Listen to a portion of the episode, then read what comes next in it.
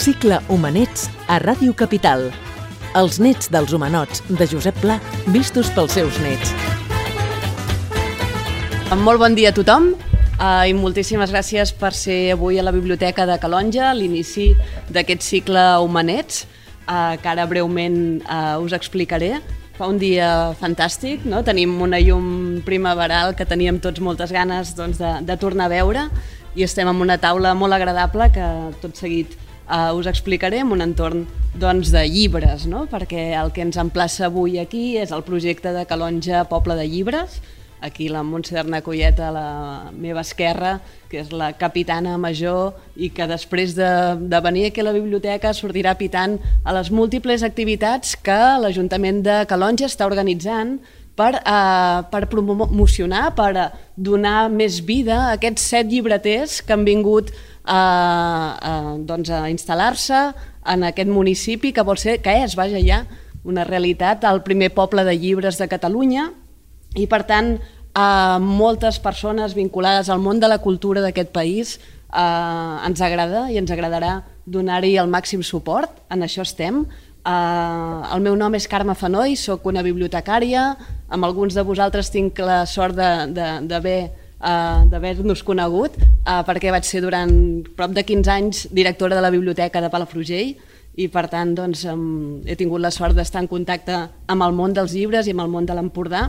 Uh, actualment estic a l'àrea de Cultura i Comunitat de la Universitat Politècnica, però uh, com que continuo vivint a Palafrugell i estimant el país, com les dues persones que m'acompanyen a la taula, doncs pensàvem que seria interessant eh, promoure un parell de cicles el que avui ens eh, obrim eh, l'hem titulat Humanets. Eh?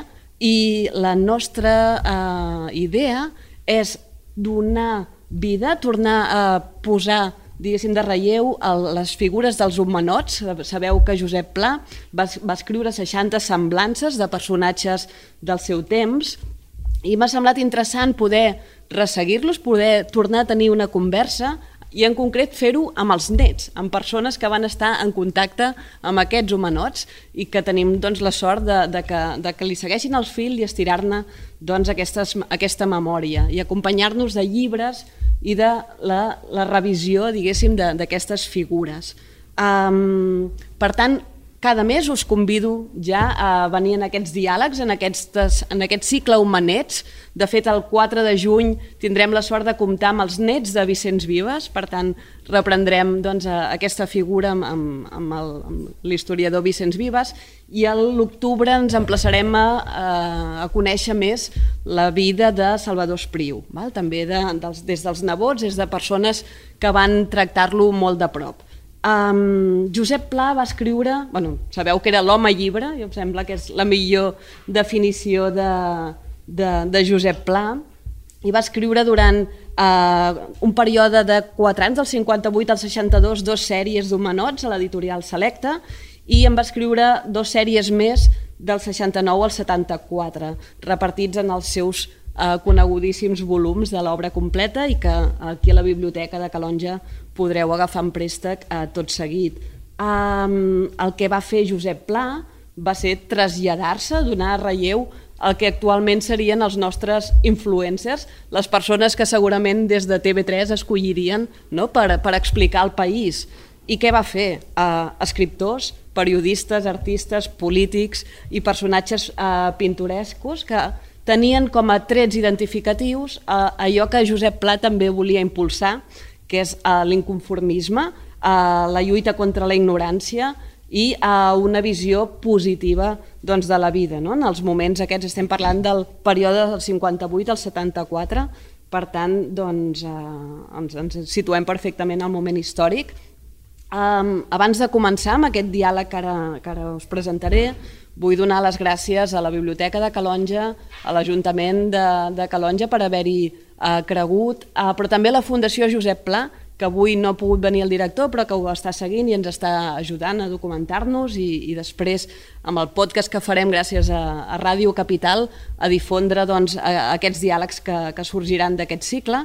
Uh, i ens sembla interessant també que des de la càtedra Josep Pla, que dirigeix en Xavier Pla, pugui haver-hi un treball posterior o, o eh, diguéssim, que, que hi puguem tenir seqüeles doncs, del, del que vagi passant en aquest cicle.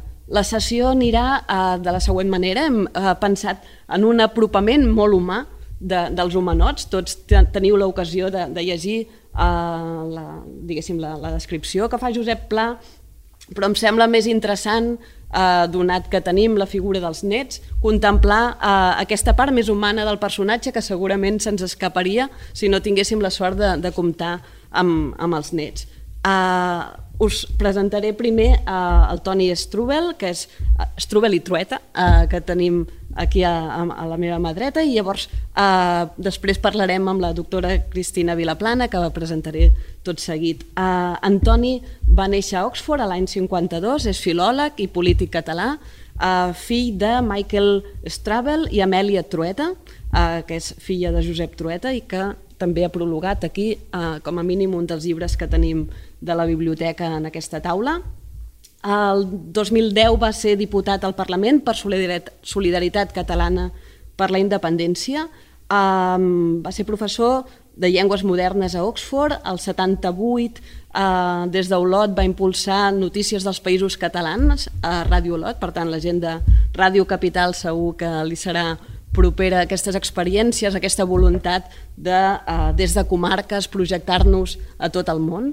Um, és uh, impulsor, professor de la UCE, de la Universitat Catalana d'Estiu, també impulsor de diferents projectes a l'Escola Oficial d'Idiomes, és col·laborador habitual dels grans mitjans com el Punt Avui, La Vanguardia, Periódico, El Temps, però també la BBC. Uh, ha traduït nombrosos llibres a cop de catàleg. Aquí a la biblioteca també en podem trobar fàcilment. Ha coordinat la Comissió de la Dignitat, per tant, és una de les persones responsables de la lluita per, contra l'espoli dels documents de Franco i que actualment estan a l'arxiu de Salamanca. Alguns s'han quedat, no? si no ho tinc mal entès.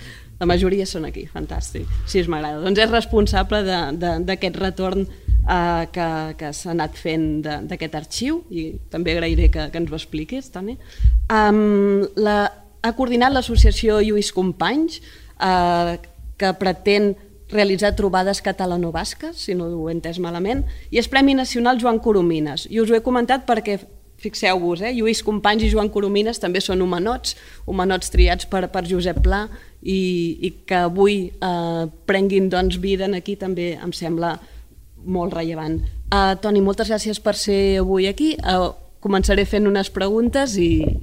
Toni, uh, quin és el record o importància que té en la vostra família eh, l'humanot, no? ha estat present en les vostres converses? Quin és el relat familiar de, de l'humanot? Mm, molt bon dia. Uh, com a breu introducció, dic que uh, estic molt content de ser a Calonja, que és un poble amb el qual jo tinc una relació molt especial per tot el treball que hem fet amb la recuperació d'una molt il·lustre calongina que va ser Isabel Vila i que hem participat en múltiples activitats per recuperar la seva figura.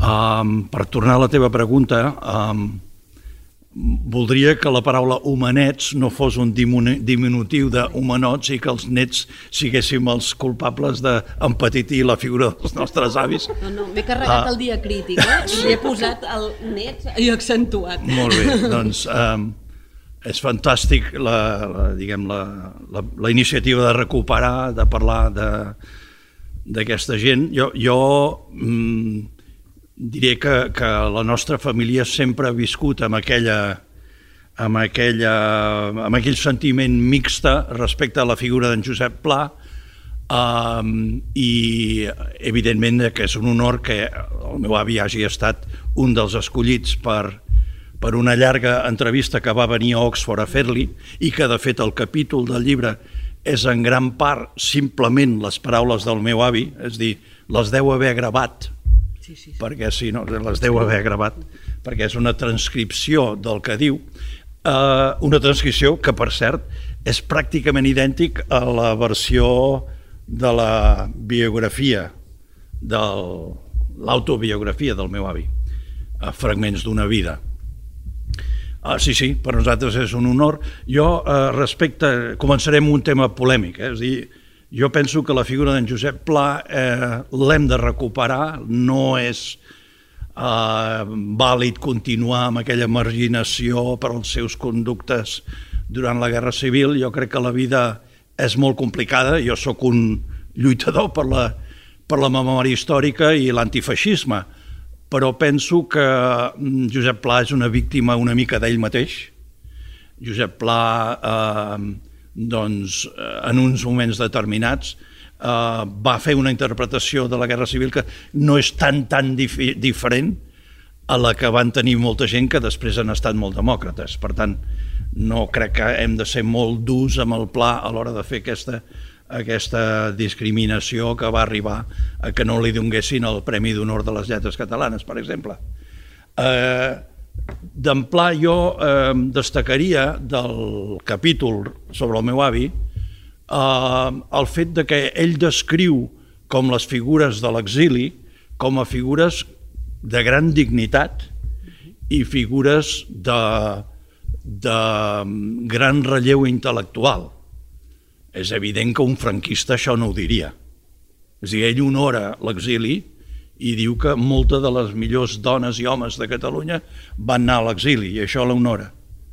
Un altre mm, eh, caprici que dic eh, que m'agradaria dir sobre Pla, en haver estudiat molt el segle XIX, el tema dels casinos, el tema del, de la fraternitat del Palafrugell, que vosaltres coneixereu perfectament, és que quan el Pla parla dels casinos i de les entitats republicanes d'esquerres, fixeu-vos que generalment parla positivament, curiosament, eh? I en canvi, quan parla dels casinos carrinclons de la dreta eh, que, missaire, normalment és, és, és, eh, és molt crític. Per tant, Pla és una figura absolutament contradictòria i, i estic content de que no se l'hagi bandejat, que hagués estat un, un altre error del país. Moltes gràcies. Um, hi ha un llibre també que, que us recomano molt, que són aquesta selecció que, que va fer Toni Sala dels 12 humanots, perquè entre aquestes 60 figures n'hi han que destaquen més que d'altres i per tant la figura del doctor Trueta doncs, també està entre els escollits. Uh, Toni Sala en, en un pròleg magnífic que, que fa en aquesta edició comenta una frase de Carné que em sembla molt rellevant, que diu que la cultura d'un país cap en un autobús, no? d'aquestes 60 persones. És, eh, diguéssim, divertit doncs, pensar eh, en, aquest, en aquests termes, no? que també connecta amb la, amb la idea de l'exili i el bibliobús, eh, però um, nosaltres que, que vivim a, aquí a comarques gironines i que tenim el nostre hospital de referència claríssimament amb, amb el doctor Trueta, la família interpreta, penseu que s'ha fet prou per destacar la figura de, del doctor Trueta com s'ha fet potser amb Pau Casals? Creieu que esteu contents, diguéssim, amb, amb, la, amb la rellevància, amb la, amb, amb la idea de recuperar la figura de, del vostre avi o, o, o com, com ho heu viscut? Amb, amb el vostre permís, eh, jo faria una distinció eh, entre eh, diguem, la seva, el seu reconeixement a Catalunya eh, i el seu reconeixement a Anglaterra, que és el país on, encara que no ens agradi, diguem, ell va desenvolupar la seva carrera mèdica durant possiblement més, més anys, no he fet el càlcul, però almenys entre el 39 i el 69 crec que va ser 30 anys d'activitat a Anglaterra. I jo sí que faria una clara distinció i Uh, faré una distinció que al meu avi no li hagués agradat que jo fes aquí públic avui a Calonja, però ho diré, que és que um, aquí, um, quan va tornar en ple franquisme, va rebre algunes, uh, alguns uh, episodis no gaire positius, alguna entitat que no va acceptar, per exemple, que ell uh, tornés a, a ser membre numerari d'aquella associació, però en general eh, podem dir que estem molt, molt, molt contents que l'Hospital de Girona eh, porti el seu nom, que tingui molts carrers que es diuen Josep Trueta. Eh, per cert, la labor de la meva mare, Amèlia, que avui té 97 anys, eh, va ser bàsica a, a, en això. Eh, sempre que hi ha una figura del passat que recorda, sempre pensem, ah, és que hi haurà, els regidors són molt conscients. Normalment els regidors no són gens conscients i normalment és que hi ha una formigueta de la família que és la que va fent. Uh, I la meva mare, uh, diguem, uh, es mereix un reconeixement brutal perquè moltes de les coses que es van aconseguir per recordar el meu avi. Uh, vols una resposta breu, però no vull passar de dir que a Anglaterra el tracte que es va donar al meu avi va ser infecte. Infecte, eh? És a dir, um, hem descobert moltes coses amb el temps, uh, tot l'equip que treballava sota ell en el principal hospital ortopèdic de Gran Bretanya, que és el Wingfield, convertit en Nuffield, el gran hospital d'Oxford, és a dir, tot el seu equip tenien títols nobiliaris, eh, eren ses, tenien reconeixement de la reina, eh, i en canvi el meu avi, que l'any 47 ja es va fer britànic, amb previsió de que això del Franco eh, seguiria i en previsió de que ell no podria tornar aquí i en previsió i en agraïment en el fet de que en un any tan pretèrit com 1947 es va produir una cosa extraordinària. És una cosa que no ens pot ni a, a entrar al cap si no els, la gent del món de la medicina sabrà el que representa això. O sigui, que un català sigui elegit catedràtic d'ortopèdia a la Universitat d'Oxford és un fet absolutament inversemblant. És inversemblant. Uh, això li va crear no pocs enemics, sempre va tenir uh, elements que, que li van fer la contra a Anglaterra, malgrat que ell, diguem, entrés amb força bon peu a Anglaterra, en el sentit que ell li van demanar des del primer dia que fos un conseller al més alt nivell per recomanar una política eh, sanitària i antibombardejos per la Segona Guerra Mundial que els venia a sobre. Però Anglaterra mai va reconèixer el, el meu avi, eh, no li van fer cap honor de cap esment i eh, us haig de dir dues coses que són una mica difícils i cruels, però hem arribat a l'any 2022 i aquestes coses s'han de començar a dir, penso jo.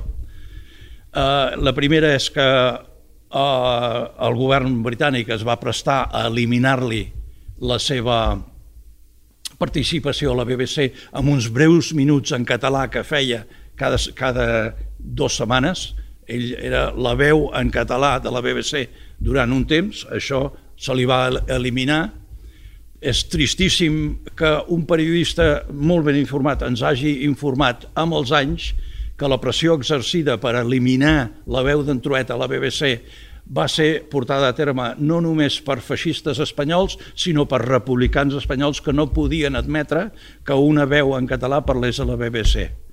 I l'altra cosa que haig de dir eh, respecte al tractament d'Anglaterra, cosa que el meu avi mai hagués dit, perquè era una persona extremadament eh, discreta i, i poc ambiciosa en aquest sentit, és que eh, ell sempre va estar en una llista negra a Anglaterra com a eh, republicà, eh, catalanista, eh, per ells comunista, vull dir, tot i que el meu avi realment no passaria d'un liberalisme rosenc, eh, doncs eh, eh, ell sempre va ser tractat com, com, com havia volgut, no? Eh, L'ambaixada d'Espanya sempre va ser tractat com una mena d'enemic. Per tant, una situació molt estranya, és dir, per una part, un tractament diplomàtic molt reservat eh, i, en canvi, l'enorme honor d'haver-lo fet eh, catedràtic eh, d'una àrea de ciències com és l'ortopèdia mèdica eh, en la més gran, en perdó, dels de Cambridge, Universitat d'Anglaterra. Correcte. Em sembla molt poca gent eh, coneix aquest fet, eh, aquest honor no, de ser catedràtic de la Universitat d'Oxford amb, amb tant prestigi i candidat, si no ho tinc mal entès, a Premi Nobel, eh, pel que he pogut llegir també en biografies com, com aquesta que li fa l'Antonino la, Rodrigo. Um, el cas és, després si us sembla parlarem una mica més de la burocràcia i la meritocràcia i el fet no, de, que, de que a banda de la seva intensíssima recerca científica i, i, i recerca mèdica s'animés a, a fer aquest llibre tan esplèndid que després eh, tractarem. Eh, em sembla molt destacat, sabem que, que Josep Pla, Pla va escriure 60 eh, retrats d'homes eh, i cap dona, i no tenia massa tendència, diguéssim, a parlar del paper de les dones en cap d'aquestes figures, però en canvi crec que, que la figura de Trueta és una excepció en aquest cas perquè ell, el, el, el vostre avi, eh, sí que reivindicava molt, el, enyorava doncs, quan estava no, la, seva, la seva dona i tres filles eh, que, que, que va tenir a l'exili fora lluny d'ell, ell els enyorava molt, la figura de, de la mare també molt present eh, i que s'intueix en tot el retrat que devia ser la, segurament la persona més rellevant en la seva educació. Eh, què em podeu dir doncs, d'aquesta doncs, vessant, no? de la, la, la part de les dones que segurament no, no surten al retrat? Quina, quina és la, la rellevància tant de la seva dona, la mare, l'àvia, eh, aquestes que sempre queden en segon pla? M'encanta la pregunta, és una, és una pregunta deliciosa per mi. Jo, jo voldria dir que la meva mare, amb 14 anys, eh, havia estat eh, un temps en una escola anglesa a Bordiguera. El, mm, casualitats d'aquestes, eh, alguns nens republicans de classe mitja alta, privilegiats per tant, van poder anar a Bordiguera, a Itàlia, amb una escola anglesa que s'havia traslladat des de Mallorca. Uh, I ell allà va poder aprendre una mica d'anglès, va aprendre anglès. I les, la primera cosa que va haver de fer la meva mare en arribar a Oxford, amb 14 anys, eh, imagineu els que teniu, teniu filles de 14 15 anys, on ets, uh, imagineu què és això, doncs ella va haver de traduir uh, l'única còpia que tenien, que estava en català, uh, del tractament de fractures, uh, uh, diguem, la, la, la gran obra escrita sobre el tractament de les ferides de guerra, que és el que interessava a Anglaterra, una part del que interessava a Anglaterra de cara a la Segona Guerra Mundial, doncs la meva mare amb 14 anys va haver de traduir aquest llibre en, com, en combinació amb un metge que parlava una mica de francès, imagineu-vos. Però també eh, voldria, voldria fer una petita reivindicació de la meva àvia, que també es deia Amèlia. Uh, la meva àvia Amèlia eh, sempre, sempre se l'ha dibuixat com una pija de Barcelona, eh, allò, jugadora de tennis... Eh, I aleshores, mm, aquesta ha estat fins i tot eh, en el propi llibre Fragments d'una vida del meu avi, ell, ell que, és, que és molt honest, es diu coses com, com, com diem les coses la, la gent gran, no?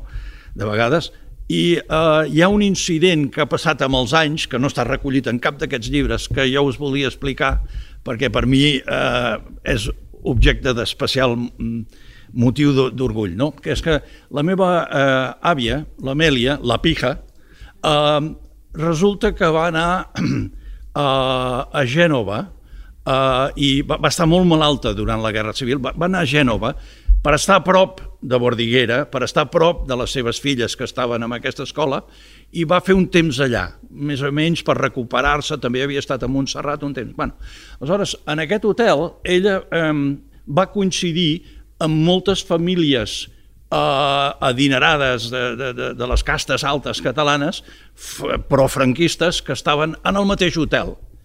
I aleshores hi ha una cosa deliciosa, que és que ell escriu una carta en un eh, professor de filosofia de la Universitat de Barcelona, que seguia a Barcelona, i li descriu totes les seves trifulques eh, que en trobar-se en el hall de l'hotel amb aquests elements eh, profranquistes, la defensa que ella feia de, de, del bàndol republicà, la defensa que feia de la democràcia, que ho descrivia en aquesta carta que, que un historiador eh, inclòs en un gran volum sobre l'exili català de dretes i esquerres a Gènova. I eh, llegir allò per mi és fantàstic perquè a part de ser, eh, com ella sempre deia, la descobridora dels Beatles, la meva àvia sempre deia que era la, la, la descobridora dels Beatles, tenia aquest aspecte de modernitat, també eh, m'ha ajudat molt a trencar els tòpics que correvien en certa part de, la,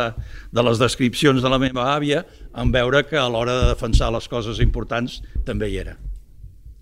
No, que està, estava pensant en això, que molt bé, que la devien descriure com una pija de Barcelona en el sentit de que devia ser una senyora que no feia res més que jugar a tennis i estar, no? una mica així, però que, a veure, per casar-se amb el doctor Trueta no? i seguir-li totes les vicissituds, no? amb un senyor que era un senyor compromès políticament, que no devia agradar gaire, per no dir gens, perquè em fa l'efecte que tampoc es devia callar gaire les coses, eh, uh, pues home, una pija de Barcelona d'aquestes de, de figurar tampoc la veig gaire. No, no, ja només amb això ja no me l'imagino. Exacte. No, no.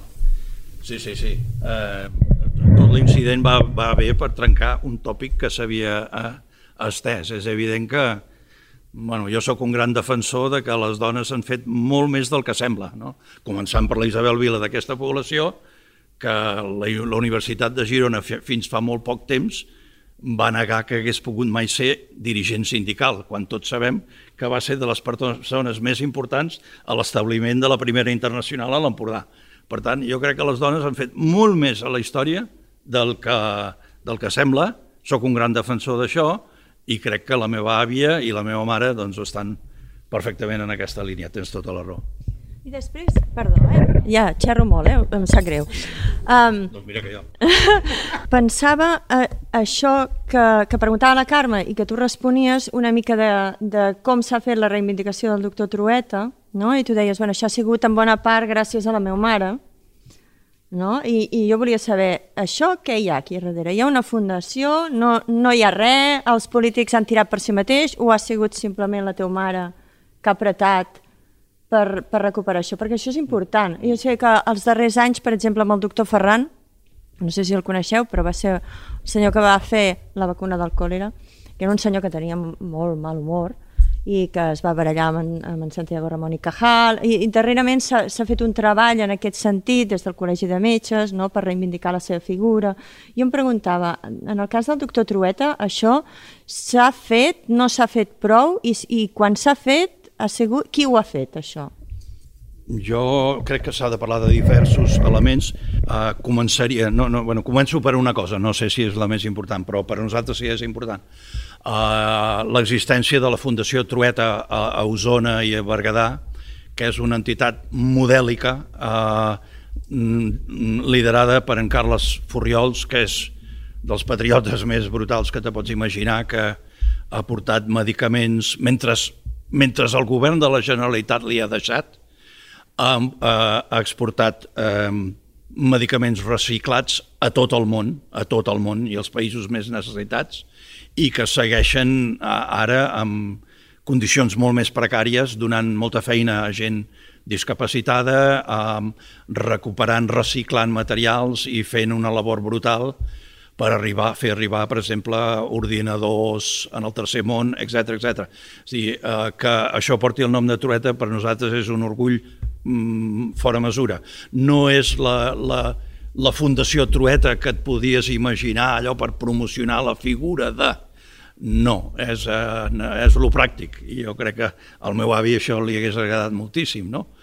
Uh, insisteixo en que mm, aviam, vull dir la veritat eh? és dir, la, la figura de la meva mare va ser clau a l'hora de que, no sé, a Granollers posar aquí, allà uh, la presentació d'aquest llibre que és, que és, aquest llibre és una autèntica joia de la literatura catalana, les cartes escrites d'en Casals, el meu avi, del meu avi en Casals. Aquest llibre és, mostra la resistència, l'esprit de resistència contra el feixisme. Mostra la radicalitat, sobretot en Pau Casals, eh, que, és, que és encara més radical, diguem, que el meu avi sempre diguem, era més, eh, de vegades servia per, per atemperar en el Casals, no? però recull, recull moments fantàstics. No? Eh, es, eh, Ernest Lluc és una altra mm, persona que jo, jo i la Montserrat el vam arribar a conèixer, Mm, venia a Guipúscoa i tenia casa seva i, i vam tenir molta relació en els últims mesos de la seva vida i ell va ser, crec, instrumental, no, no sé si m'equivoco, però que l'Hospital Trueta portés el seu nom, malgrat el meu avi no sé, diguem, de Girona, està enterrat a Santa Cristina d'Aro, però de fet, eh, és que els que som de l'exili, eh, exactament, la pregunta és d'on som. O sigui, nosaltres eh, tenim una tendència molt forta a l'Empordà. Eh, per què? Perquè des dels anys 50 que veníem a estiuejar aquí. Eh, però, diguem, nosaltres som neoempordanesos eh, i, i, diguem, el fet de que l'Hospital Toreta porti el seu nom penso que no ha comptat amb l'oposició forta de ningú i per tant crec que i, i és fantàstic que ara es faci un nou trueta i, i que el nom trueta encara soni cada vegada, des vegades, associat amb coses desagradables com el Covid o les malalties, però, però, però és un motiu molt gran d'orgull que aquest hospital porti, porti el seu nom. Molt bé. Volia uh, ara presentar, ho tindria que haver fet a l'inici, però segur que la Cristina em, per, em perdonarà, uh, a la doctora Cristina Vilaplana, uh, que avui tenim el luxe de que ens acompanyi. Ella també és una, una filo empordanesa, um, em sembla que, que en residència també aquí a propet. Ella és metge especialista en micro, microbiologia i parasitologia i cap de la unitat de tuberculosi experimental de la Fundació Institut Germans Trias i Pujol, experta en biomarcadors i pronòstics vinculats a, a la tuberculosi, però també és una persona eh, molt llegida, molt amant doncs, de, de, del país. Eh, estic convençuda que a la Cristina li agradaria molt aquest llibre, no sé si te l'has llegit, Cristina, de l'Ada Klein, Fortuny, eh, que es titula La plaga blanca i que fa un, un, un tema que està molt vinculat, eh, amb, em sembla, amb el cicle Humanets, que és parlar de la part més humana de personatges eh, coneguts que van eh, patir doncs, aquesta malaltia que, que precisament la, la doctora Cristina Vilaplana coneix també, que és la tuberculosi, i que ens, ens relata doncs, aquesta part més humana que sovint eh, ens passa desapercebuda quan llegim les obres o quan ens apropem als, als personatges. Per tant, una recomanació que sé que també està a la Biblioteca de Calonja i està en préstec, que ho acabo de mirar i, i la teniu en préstec, però es pot reservar. Uh, a mi m'agradaria uh, tornar una mica uh, a la part aquesta més, més personal de, de la família. Uh, quan llegim el retrat que fa Josep Pla del doctor Trueta, parla per exemple, de, de la seva planta física, no? que és una cosa que, que, que ell, jo crec que el net l'ha heretat perfectíssimament, diu que és una persona guapa, de bona planta, com ho és el Toni, per tant, la genètica ha anat a, a, a, clarament a, a favor, uh, però mm, també, uh, també hi ha una, unes connotacions de vehemència en el personatge, en aquest caràcter de la lluita per al que ell creu, hi ha un moment que explica l'episodi que els eh, anglesos li posen, la, la, li posen en dubte eh, diguéssim, el, les xifres que pot atendre no? dels 100.000 versus els 10.000 que ell defensava i s'aixeca i, i fa per marxar de la de la màxima eh, comitè científic d'Anglaterra, no? i per tant una persona que defensava amb vehemència el que ell creia. Quins trets penses que heu heretat els, eh, els nets, eh, els besnets, no? Què és el que consideres que dius, ostres, això m'agradaria que ens recordés a, a la figura del nostre avi? Gràcies per lo de guapo, eh? Però... és una evidència. Eh, jo crec que el, el diguem, de, de tots els nets eh, el, el que més orgull o dels que més orgull sentiria el meu avi és el del meu germà Miquel, que, que va morir a principis de març i que tots tenim present en el record, perquè ell va ser una figura mm, de la perseverança, de una lluita modèlica eh, per intentar normalitzar la llengua catalana, cosa que dins del marc constitucional espanyol jo penso, la meva opinió personal, que és impossible, eh, que va fer el contrari que jo. Jo vaig ser un covard. O sigui, jo l'any 81, quan vaig veure que la reforma espanyola triomfava a Catalunya, jo vaig agafar els bàrtols i me'n vaig anar a viure a Euskadi, perquè no podia suportar. Uh, el meu avi sempre havia dit, bueno, diria una frase que quedava molt cursi el que vaig a dir, però el meu avi sempre, eh, quan li demanaven ¿usted qué hace viviendo en Inglaterra? ¿Le gusta el clima? I, eh, bueno, eh, I ell, ell, ell deia sempre no, no he vingut aquí pel clima i el que passa és que vaig marxar de Catalunya perquè no suportaria veure morir la llibertat a casa nostra.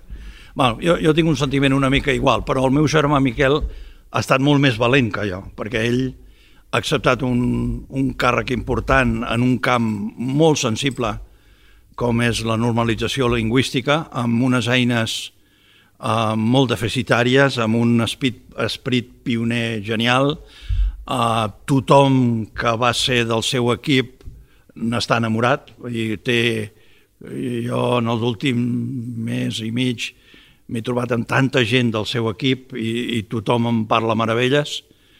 No sé si això és de l'ADN, suposo que sí, però eh, ells va ser molt valent enfrontant-se amb això, va ser una persona que crec que el, va ser absolutament clau, la gent no ho té prou present en el naixement de l'Assemblea Nacional Catalana. Jo crec que la fórmula seva, els que coneixem la veritat des de més a prop, és la que va fer triomfar l'Assemblea Nacional Catalana.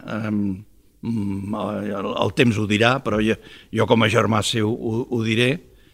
I també cal dir que aviam, hem estat orgullosos de, de tots els nets, però el fet de que tingui una besneta que sigui eh, eh, cirurgiana ortopèdia a, a Vic, doncs eh, també seria molt orgull. Nosaltres amb això, en el nostre avi, el vam fallar totalment perquè no li vam donar una herència mèdica en la primera generació, però això amb la segona s'ha arreglat.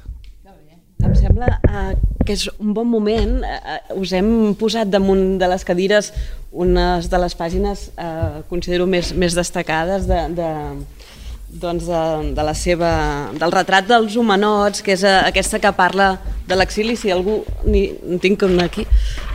I, i res, molt, molt, molt breument eh, llegiré una part que em sembla, bueno, per mi són de les dues pàgines molt, molt, molt de reflexió. Eh, Pla diu, en definitiva, el doctor Trueta és un exiliat literal, pur i simple, i per tant un home que no es troba en la situació normal que hauria de tenir L'exili és sempre una contrarietat, perquè l'home complet ha estat fet per viure i treballar en el seu propi país. L'exili és una de les coses més tristes de la vida. De tota manera, atesa la posició presa davant l'exili per alguns il·lustres representants del nostre país, sobretot intel·lectuals, potser valdria la pena d'estalviar-nos de parlar d'aquesta situació originada per la darrera guerra amb un excés de morbidesa i de desplaçat sentimentalisme. A Espanya, el fenomen de l'exili provocat per les circumstàncies polítiques és antic i s'ha manifestat successivament i copiosament. Potser, però, després de l'última guerra civil, tant Europa com Amèrica ha tingut característiques molt diferents dels anteriors. Val. Diu, tinc la impressió que en l'exili del doctor Josep Trueta és perfectament possible de trobar-hi les característiques que a través d'aquestes últimes frases hem tractat de donar a entendre. L'exili del doctor Trueta fou per al país que l'acollí, per Anglaterra, extremament positiu el mateix podríem dir d'altres eminents emigrats en aquest, eh, en aquest continent com els Estats Units i en general a tots els països d'Amèrica. I penso que això ens pot donar peu a, a fer, començar a fer preguntes també a la, a la doctora Vilaplana, perquè m'interessa moltíssim des de la vessant mèdica que exposi quin, és, quin pensa que és el, el, el llegat més important veure, um, hi ha dues coses que volia comentar en aquest sentit. La primera que uh, el que va fer el doctor Trueta, és a dir, té unes conseqüències um, evidentment immediates van tenir pels, pels malalts que ell va tractar, però les conseqüències que ha tingut posteriorment a totes les guerres, és a dir, no només a la Segona Guerra Mundial, sinó a la Guerra de Vietnam, és a dir, actualment encara es fa servir el que ell no? els postulats del, seu, del mètode Trueta, és a dir, la, la infinitat de vides que va salvar aquest home i que està salvant encara aquest home, encara que ja sigui mort, eh, bueno, és incontable, és, és, és una cosa extraordinària. I jo penso que això eh, és molt especial perquè no sempre passa.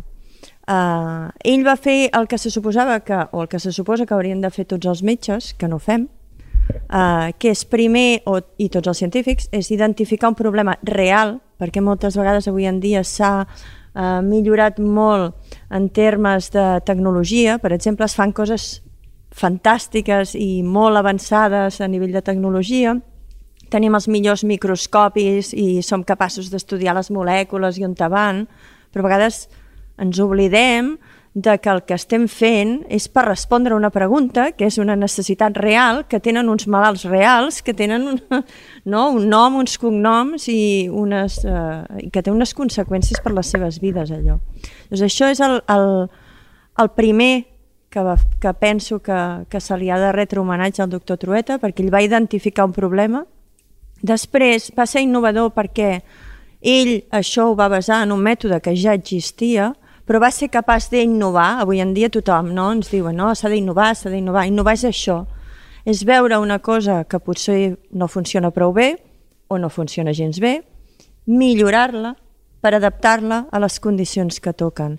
I després va ser capaç d'adaptar-ho a la realitat que se'ls va imposar, que va ser la Guerra Civil, i aquesta és la segona cosa que va fer bé. Ell va sistematitzar una resposta i això és molt important perquè moltes vegades tothom aplica solucions una mica al que vol i se sap el que s'ha de fer, però és important sistematitzar-ho, és a dir, tothom sabia més o menys que si tu tens una ferida de guerra i, o caus, i ara imaginem un nen, un nen cau, es pela el genoll, es fa sang i té tota la ferida plena de pedres. Evidentment que se li han de treure les pedres, és a dir, això surt del camp d'un conill, però ell va dir no, s'ha de netejar amb aigua i sabó, s'ha de retirar totes les peces que hi hagin a dins, en aquest cas serien les pedres, no? s'ha d'immobilitzar i ha de poder drenar, i tot això està escrit i està sistematitzat, i això permet que una altra persona a l'altra punta del món,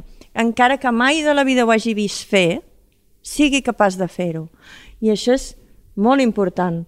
I no sempre ho fa tothom, perquè hi ha molta gent que té grans idees, té grans egos també, no? i ells es queden amb jo he inventat això i ja està. En canvi, ell va anar un pas més enllà. Va ser capaç de fer que els altres poguessin aprendre i per tant que els altres poguessin aplicar-ho. I això immediatament multiplica per milions l'impacte eh, d'una cosa que ell podia ell haver fet servir, haver ensenyat als seus col·laboradors, i haver tractat els seus pacients. Jo penso que això és molt important i a vegades es perd de vista, perquè ens oblidem de que tot el que fem hauria de tenir un impacte. No el té. És a dir, ha de servir per a alguna cosa. Encara que sigui, és igual, la tonteria més gran del món. Ha de servir per a alguna cosa. I jo penso que això és una característica del que devia pensar el teu avi, no? És a dir, les coses han de, han de servir perquè han de tenir sentit quan les fas. I una altra cosa és això, que és un home que és compromès amb l'ensenyança, amb la difusió dels resultats. Avui en dia nosaltres ens parlen molt, no? Quan la gent que ens dediquem a la ciència se'ns diu no, és que s'ha de fer comunicació i s'ha d'explicar. No? Jo penso que tot això ell ho va fer, no? En el moment en què tu ets capaç d'escriure un llibre, traduir-la en els idiomes, d'establir un mètode que altres poden replicar, de formar gent, és important, perquè moltes vegades el que tu inventes, per dir-ho d'alguna manera, o el que tu descobreixes, um, té un, un impacte relatiu. Pot ser que no serveixi per res. La majoria de coses que es fan amb ciència no serveixen per res. No és aquest el valor important de la ciència. El valor important de la ciència és que tu estàs ensenyant altra gent que potser tu no descobriràs mai res que serveixi per res, però aquells altres podran ensenyar altres, i aquells altres podran ensenyar uns altres. I algun dia tot servirà per alguna cosa. Llavors, aquesta cadena és el que jo penso que ell va ser capaç de fer i moltes vegades els que ens dediquem a la ciència ens oblidem també. No? I que és una, per mi això és, és el que és la veritable ensenyança de tot. Uh, um, aquest llegat del doctor Trueta sí. en els estudis de medicina actuals a Catalunya es transmet d'alguna manera? És a dir, hi ha, hi ha algun reconeixement? El, el mètode Trueta encara s'explica d'una forma destacada? Com, com ho has viscut? No, no, sí, sí, és a dir, el Trueta, això és el, el primer que hauria d'haver dit, el, uh, no? el Trueta no és un, només un hospital, no? perquè, no, perquè no, és veritat. Uh, almenys en, en, en medicina sí, en medicina s'estudia el mètode Trueta perquè va ser un mètode absolutament revolucionari, és a dir, és un, això sí que s'explica. uh, no s'expliquen els detalls. A mi m'hagués agradat que, a més de... Bueno, perquè a casa tenim tradició, però, però si no, a mi m'hagués agradat que a la facultat m'haguessin explicat que aquest senyor, jo sabia que havia anat a l'exili, uh, jo sabia que havia estat a Oxford, és a dir, tot això ho sabia, el mètode Trueta el coneixem tots els metges, però m'hagués agradat que m'haguessin explicat que era un senyor compromès amb la lluita no? uh, antifeixista, això, almenys, quan jo vaig estudiar, a nosaltres ningú ens ho va explicar. És a dir, el que va més enllà del que està escrit. Um, jo volia dir una cosa sobre el que has dit del... I relacionat amb el que tu deies de la BBC i de, i de que Anglaterra no es va portar molt bé, és això, nosaltres ara ho estem visquent, però ha passat sempre, ho estem visquent amb, a, amb la gent que està fugint de la guerra d'Ucraïna dir, uh, figura que no estem en guerra, però en realitat estem en guerra. Aquest és el primer missatge que jo us voldria donar, perquè almenys és com, si ho mires al panorama, uh, és com ens estem comportant. Nosaltres, en un moment determinat de la guerra a Europa, jo que participo molt en coses europees, ens va enviar un, un e-mail dient que si teníem la possibilitat de rebre eh, gent, científics o metges que venien d'Ucraïna, que nosaltres els, havíem, els podíem incorporar en els nostres grups, que ho havíem de facilitar. Evidentment, estic totalment alineada amb això i els hem rebut eh, i tenim molta gent que està treballant al nostre institut, que, que són refugiats de, de refugiades, perquè no hi ha homes, evidentment els homes no els han deixat sortir, se'ls han quedat a lluitar, aquest és, és, és l'altre drama, i han vingut. Um, me preocupen dues coses d'això. Una, que no tot és desinteressat, perquè és evident que la gent que ens està arribant i que s'han quedat, perquè molts van sortir d'Ucraïna i se n'han tornat perquè no tenien, no sabien anglès, no tenien coneixements, no havien estat mai a fora i han tornat perquè no sabien, els que s'estan quedant són la gent que està més ben formada, que té més coneixements, que té més currículum, i llavors, en certa manera, nosaltres ens beneficiarem d'això. I això ja va passar, va passar amb tots els exiliats de la Guerra Civil que va marxar, no? normalment el que marxa és el, el capital intel·lectual, és el que s'aprofiten. No es queden els senyors que fan d'escombriaires. Llavors, amb això penso que és, que, que és molt poquet. Igualment segueixes sent un ciutadà de segona, perquè vens de fora, no? I, no, i, i és una mica això. Però, i llavors encara hi ha una cosa més perversa. Conec un metge que és rus, que, un senyor que és rus, que ha marxat de Rússia perquè ell havia fet com unes proclames eh, molt anti-Putin i ha marxat i el seu fill és metge. I aquest senyor que és metge aquí, a Europa no té cap possibilitat de trobar feina d'aquí també us anava a dir, estem en guerra, estem en guerra, perquè és tu, encara que siguis un dissident, jo no et permeto quedar-te ni treballar. I això és bastant cruel, perquè aquest senyor no pot tornar a Rússia, perquè el tancaran a la presó, però no es pot quedar aquí. I Estats Units què fa? Estats Units diu, no, nosaltres obrim. Tothom que sigui qualificat i que estigui marxant, més igual si és rus o si més igual, això no és que ells siguin un país estupendo i meravellós, superamables.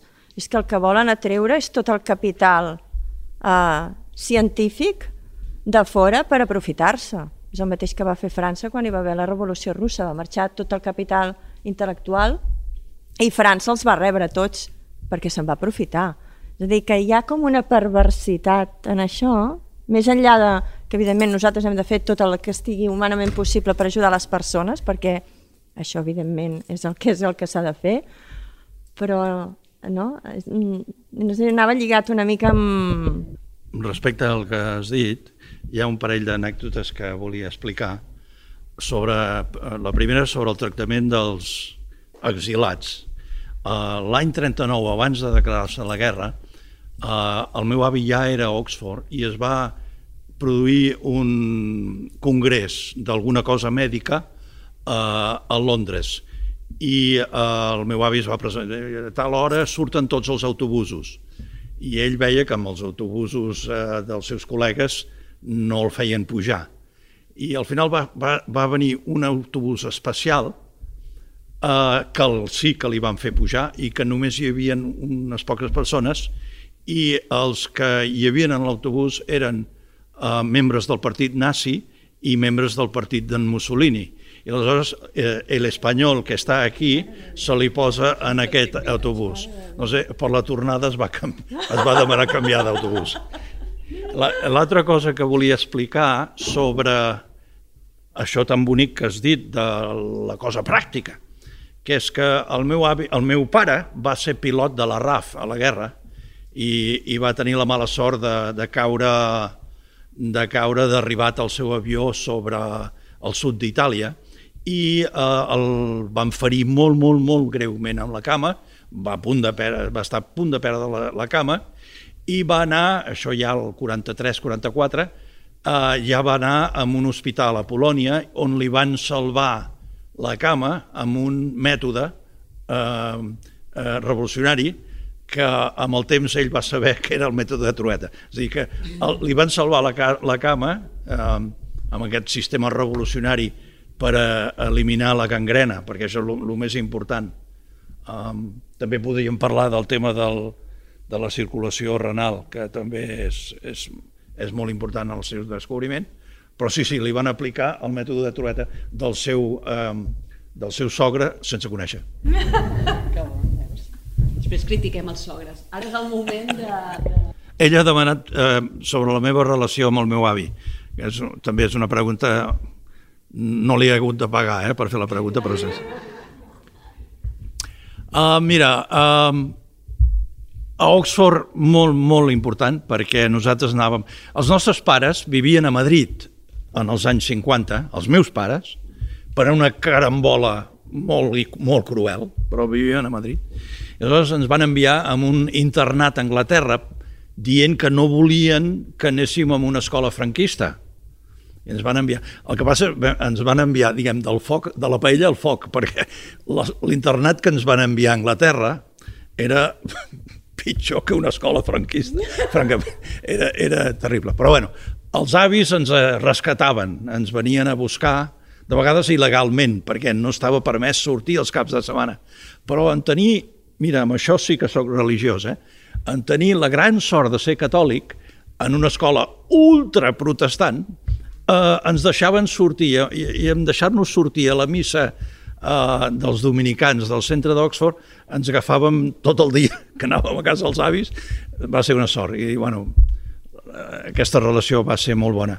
El que no va ser tan bo pel meu germà i per mi una, un trauma que sí arrosseguem, un trauma positiu, eh? perquè hi ha coses que són traumàtiques però que són positives al final, que és que una de les especialitzacions de l'hospital del meu avi, bueno, dic del meu avi, però l'hospital on ell feia de director, era amb el temps la talidamida, eh? la famosa talidamida, la terrible talidamida, talidamida que va deixar sense mm, extremitats eh, amb moltes criatures i que, per cert, l'Espanya va ser el pitjor a l'hora de tractar. Eh? És un país que la talidamida aquí va, va trigar anys en, est en exterminar-se. Però bueno, aleshores, eh, el més traumàtic pel Miquel i per mi era el dia de Nadal perquè el dia de Nadal el nostre avi ens feia anar a l'hospital a obrir els paquets dels nens que no podien obrir els paquets i era, era, era traumàtic.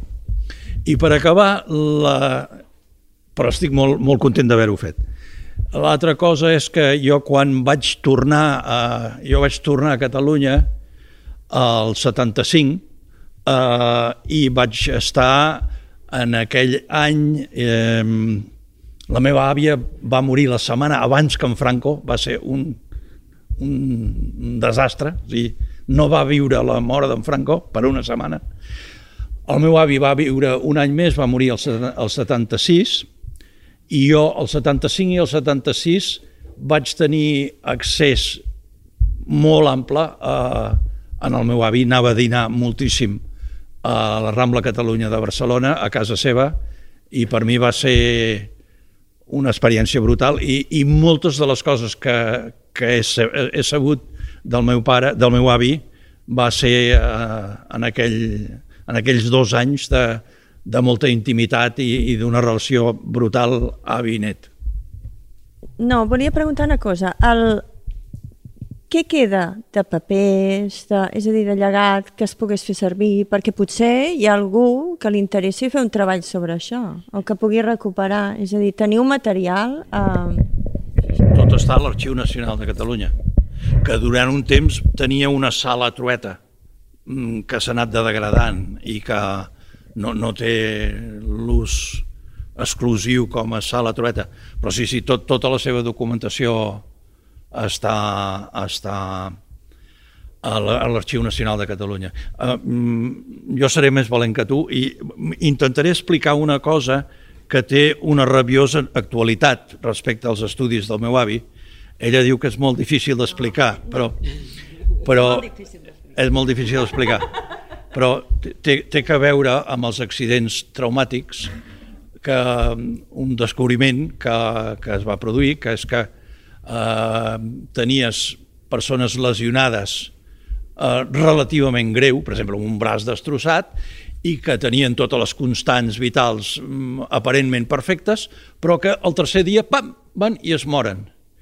Uh, el meu avi li donava, clar, això per un traumatòleg, això és dramàtic, i aleshores ell va dedicar molt de temps a estudiar això i uh, hi ha un catedràtic de la Universitat de Miami, actualment molt, molt actiu en aquest tema, que diu que el gran descobriment del trueta és el tema de la circulació renal, que és que en casos de trauma eh, físic, la, la circulació renal, degut al trauma, canvia de direcció i en lloc de purificar la sang, l'enverina. I això és el que mata parents que eh, aparentment no estan tan greus i ell va dedicar molt, molt de temps en aquest tema perquè això també va salvar moltes vides. I perdoneu que hagi donat una versió molt... No, no, jo penso que ho has explicat molt bé. no, és això, no? És un malalt que no està tan greu i que de repent deixa de fer pipí cada vegada pitjor, no? És a dir, i, i, i es mor bàsicament per un problema de ronyons. I dius, però, però com pot ser si aquest senyor tenia un mal a la cama I, no, I què ha passat? No? I ell va estudiar això. Va descobrir com funcionava la, la circulació vascular a nivell del ronyó i això té unes implicacions que després és molt més complicat que això, però és veritat, ho has explicat molt bé. Volia comentar una altra cosa, que és sobre que penso que també que s'ha de reconèixer el doctor Trueta, que és aquesta capacitat, és a dir, aquest engagement, aquesta, aquesta capacitat de ser, no sé com, no, de compromís i de coratge a la vegada, perquè moltes vegades quan arribes a segons quines posicions és molt llaminer el que t'ofereixen, és molt llaminer callar, és molt més fàcil callar, perquè sobretot aquest senyor, no?, que havia arribat a, a fer tot el que havia arribat, se li ofereix una posició a Oxford, es queda, Llavors, lo fàcil era callar, lo fàcil era rendir-se d'alguna manera en això. Vas, bueno, és que no cal ni que faci res, no cal ni que vagis a favor dels... Simplement, no? Simplement és dir, no dic res i segurament en trauré més rendiment.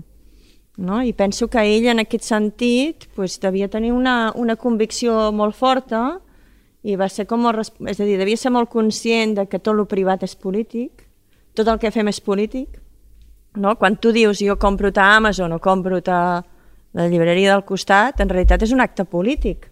Tot és polític. I penso que això, ell va ser un exemple.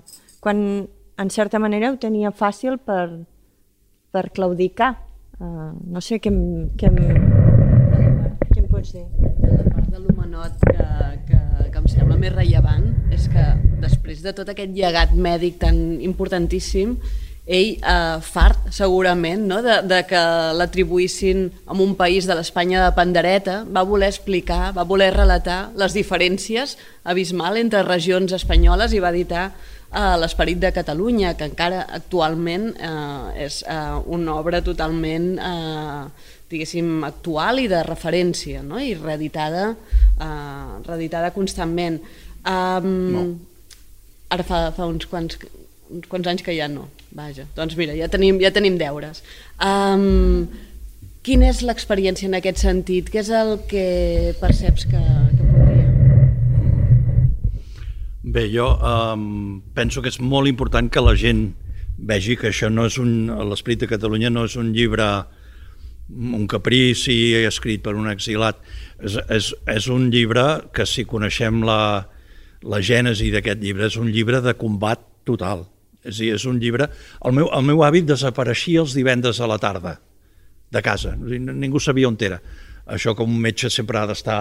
Suposo que sempre estàs amb el, amb el, amb el telèfon a punt. Uh, I ell anava al Bodleian, que és, de fet és la biblioteca més gran del món, que és la biblioteca d'Oxford, i ell uh, va, va, intent, va, va decidir de, de fer la reivindicació política de Catalunya a través dels seus homes. Uh, de fet, cada capítol d'aquest llibre descriu un home dels països catalans uh, que d'alguna manera defineix el nostre caràcter. Aquesta va ser la, la línia d'argumentació que va fer servir. Aleshores, de, a, aquest llibre va fer 3.000 còpies um, i les va repartir, és a dir, pagant bona part de la seva butxaca, les va repartir entre els polítics i la gent, els grans lobbies anglesos, i el més curiós d'aquest llibre eh, cal destacar-ho en el camp de l'erudició, que és que va tenir una crítica brutal eh, dels tècnics, no? perquè els historiadors sempre són els que més eh, intromissió pateixen, pobrets. És a dir, tothom es posa escriure llibres d'història eh, i, i, i els historiadors sempre, diguem, es veuen eh, eh, assetjats en aquest sentit. Doncs aquest llibre va tenir molt, realment no, no m'ho estic inventant, va tenir molt, molt bones crítiques eh, des del punt de vista de tractat històric, és a dir, de descriure un poble a través dels seus personatges, d'acord, escollits, però que demostren un, un esprit protodemocràtic, hauríem de dir, i mm, humanitari, en cada època, evidentment, tingut en compte la, la, les condicions de cada època, i per tant doncs, va ser, va ser un, un llibre de combat. Eh, el, si, si voldria explicar una, una, una anècdota molt bonica que la gent no, normalment no sap, que és que el meu avi va, va viure a la Rambla Catalunya i eh, durant anys, eh, durant molt, molt, molt de temps, eh, hi havia un senyor gran que seia en un banc més o menys de la Rambla Catalunya, més o menys davant de casa. No sé, sé que saps aquesta anècdota. No. I eh, aquest senyor, vull dir, era allà, formava, era com de, del mobiliari urbà. I un dia, saps aquelles coses que un dia ell marxa i tu surts, i no me recordo en quin membre de la família, però van, van topar i, es, i, i va haver una conversa. I en aquella conversa aquell senyor va dir que ell no era allà per casualitat, sinó que ell venia cada dia allà a escriure música d'instruments de vent. Era un músic i escrivia allà música. I ho feia allà perquè eh, en honor del doctor Trueta. I dic, com, com, com és possible? Si el meu avi amb la música em sembla que no tenia cap... I aquest home havia estat aviador de la República al 39 a Rússia, eh, on l'entrenaven. I es veu que li va escriure el meu avi perquè l'ajudés a sortir de Rússia, eh, de la Unió Soviètica, i el meu avi no se'n recorda perquè havia fet tantes gestions d'aquest estil, havia aconseguit que aquest estudiant o uh, d'aviació de, de, de la República pogués sortir de la Unió Soviètica en algun moment dels anys 50, eh, molts anys devia portar-hi, però la gestió del meu avi va ser, va ser, va, va ser com, pràctic, pràctic, i va funcionar. I bé, coses d'aquestes, les... la veritat és que normalment quan hi ha una persona gran de la teva família sempre el tendeixes a, a, a idealitzar. No? Eh, I realment mm, haig de confessar que és que el meu avi realment no m'ha donat cap raó per la qual hagi de renunciar a tenir una idea doncs, molt, molt positiva d'ell. Magnífic, un gran aplaudiment, si us plau, per al Toni i la Cristina. queda claríssim, no? L'objectiu de Pla era això, que no interrompre la història, no? posar de la, a l'abast el relleu generacional, explicar aquestes històries de persones il·lustrades, persones que van destacar en molts camps i que després tots els lectors eh, en poguéssim gaudir i ho poguéssim traslladar i aquest serà l'objectiu del cicle Humanets. Moltíssimes gràcies Cristina, moltíssimes gràcies Toni i a tots vosaltres per haver vingut.